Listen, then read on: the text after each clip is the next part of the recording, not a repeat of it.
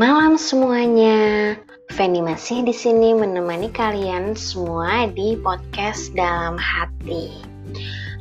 Di suasana malam yang sendu ini, banyak banget hal-hal yang lagi saya pikirin nih. Termasuk challenge 30 hari bersuara. Karena dari kemarin-kemarin belum sempat rekam lagi, Nah, hari ini rencananya mau dirapel beberapa tema minggu pertama. Wah, temanya bener-bener memantik kreativitas saya untuk berpikir gitu. Kira-kira ngobrolin apa lagi ya? Ngobrolin apa lagi ya? Secara saya bisa rekam podcast itu dalam satu waktu. Di jam 10 malam seperti ini saat anak saya sudah tidur dan suami saya juga sudah beristirahat. Jadi ya kita obrolin aja deh. Yang namanya kreativitas itu kan memang tanpa batas. Jadi mau ngobrolin apa aja pun terserah mau di konsep ataupun enggak. Nah, seringnya saya itu orangnya nggak pakai konsep. Jadi langsung aja ngobrol, ngalor ngidul kayak sekarang gini. By the way, dari kecil sebenarnya seorang anak itu udah fitrahnya punya kreativitas yang tinggi loh. Daya imajinasinya tuh tinggi juga. Asalkan orang tuanya juga mengarahkan ke hal-hal yang mendukung aktivitas si anak untuk terus memiliki kreativitas gitu. Jadi orang yang penuh kreativitas itu di dalam pikiran saya, mereka itu inisiatif. Terus juga kalau misalnya ada di dalam suatu kebosanan, mereka punya jalan keluarnya tanpa harus bertanya ke orang lain atau cari-cari di sosial media gitu. Mereka tuh harus ngapain ya untuk membunuh waktu gitu. Mereka tuh udah punya inisiatif sendiri. Mereka mau ngapain, terus juga kalau misalnya mereka tidak bisa melakukan itu atau ada hambatan, mereka menjadikan hambatan itu sebuah tantangan sampai akhirnya menemukan solusinya.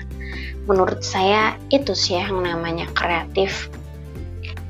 Nah, kalau saya sih dari kecil merasa kalau saya itu cukup kreatif karena saya suka banget tuh ngoprek ngoprek dalam arti pada akhirnya merusak barang-barang satu kejadian yang saya ingat banget itu di saat masih SD ya, seingat saya. Ketika orang rumah lagi tidur siang nih, saya itu ngulik jam, jam waker. Itu saya otak-atik, padahal itu jam nggak rusak.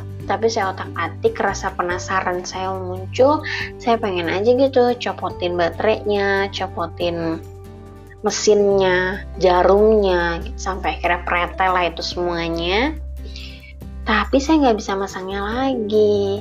Seingat saya waktu itu saya tuh mau simpan foto atau gambar gitu. Jadi nanti di jam itu ya ada foto atau gambarnya di situ. Nah, orang tua saya keburu bangun dong.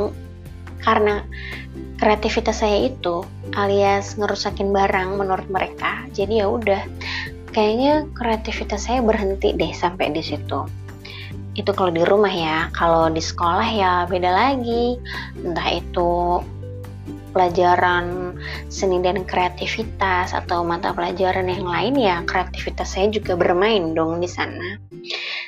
Contoh misalnya ketika orang-orang diminta menggambar melukis di kanvas gitu. Saya biasanya melukis hal yang berbeda dengan teman-teman yang lain. Entah itu lukisan bunga yang bunganya lebih besar dari bunga yang lainnya. Dengan warna-warna yang bold sementara sebagian besar menggunakan warna pastel ya gitulah. Maunya dari kecil tuh beda dari yang lain gitu. Dalam hal urusan baju lebaran pun itu paling susah nyarinya.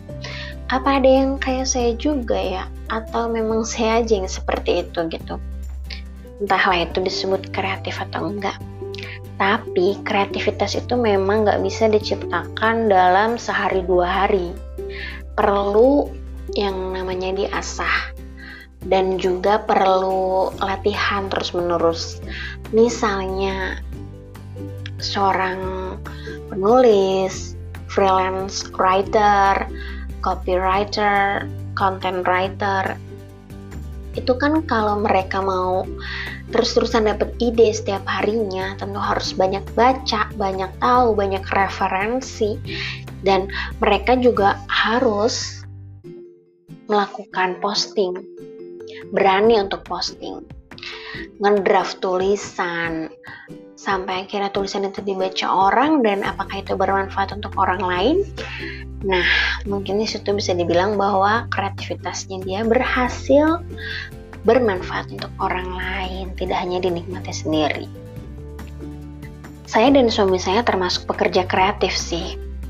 Saya sebagai freelance blogger dan suami saya sebagai seorang uh, content manager di tempatnya bekerja gitu. Jadi setiap harinya kita harus memikirkan sesuatu yang bisa kita berikan untuk mempromosikan eh, hal-hal uh, yang saat itu diminta oleh klien gitu. Dan itu ya mulai dari kontennya tulisan itu sendiri harus dipikirkan dengan baik, pemilihan katanya, struktur kalimatnya seperti apa, nggak sembarangan ceplos-ceplos juga kan, sesuai dengan kaidah ejaan bahasa Indonesia yang baik dan benar. Nah, kalau saya posting itu awalnya ya dari menulis buku diary, mungkin ada yang punya juga nih. Dari situ saya belajar, bukan belajar ya, nggak sengaja sebenarnya karena saya punya buku yang lucu-lucu itu yang ada gemboknya zaman sekolah kan. Saya tulis lah apa yang saya rasakan sampai akhirnya setiap ada tugas mengarang itu nilai saya selalu bagus gitu. Dan teman saya pun mengakui itu gitu. Nah akhirnya dikembangkan dikembangkan lagi. Saya punya blog dan sampai sekarang. Ya ternyata kreativitas bisa juga ya menjadi sebuah pekerjaan dan bisa menghasilkan uang. Untuk teman-teman nih yang lagi dengerin, kalau memang merasa dirinya punya kreativitas, lebih baik diasah deh dan dicoba untuk diberitahukan ke orang-orang gitu. Apa bisa nih diterima oleh masyarakat hasil kreativitas kita? Atau kalau bingung, kayaknya aku orangnya tuh nggak kreatif deh saya yakin sih di dalam diri setiap orang itu pasti ada sisi kreatifnya. Tapi mungkin ya karena gak diasah itu tadi, jadi kita-kita ini nggak tahu dan orang lain juga jadi nggak tahu. Emang kamu punya bakat apa? Kamu bisa kreatif juga ya? Kayak gitu-gitu kan dari orang lain ya. Kalau kita nggak pernah kasih lihat apa pun ya gimana orang bisa tahu? Jadi percaya diri aja dulu untuk tunjukin hasil kreativitas kalian. Oke okay, thank you for spending your time here. Bye bye anyway podcast terakhir itu belum ditutup karena handphonenya keburu mati. Tapi boleh juga dipublish thank you ya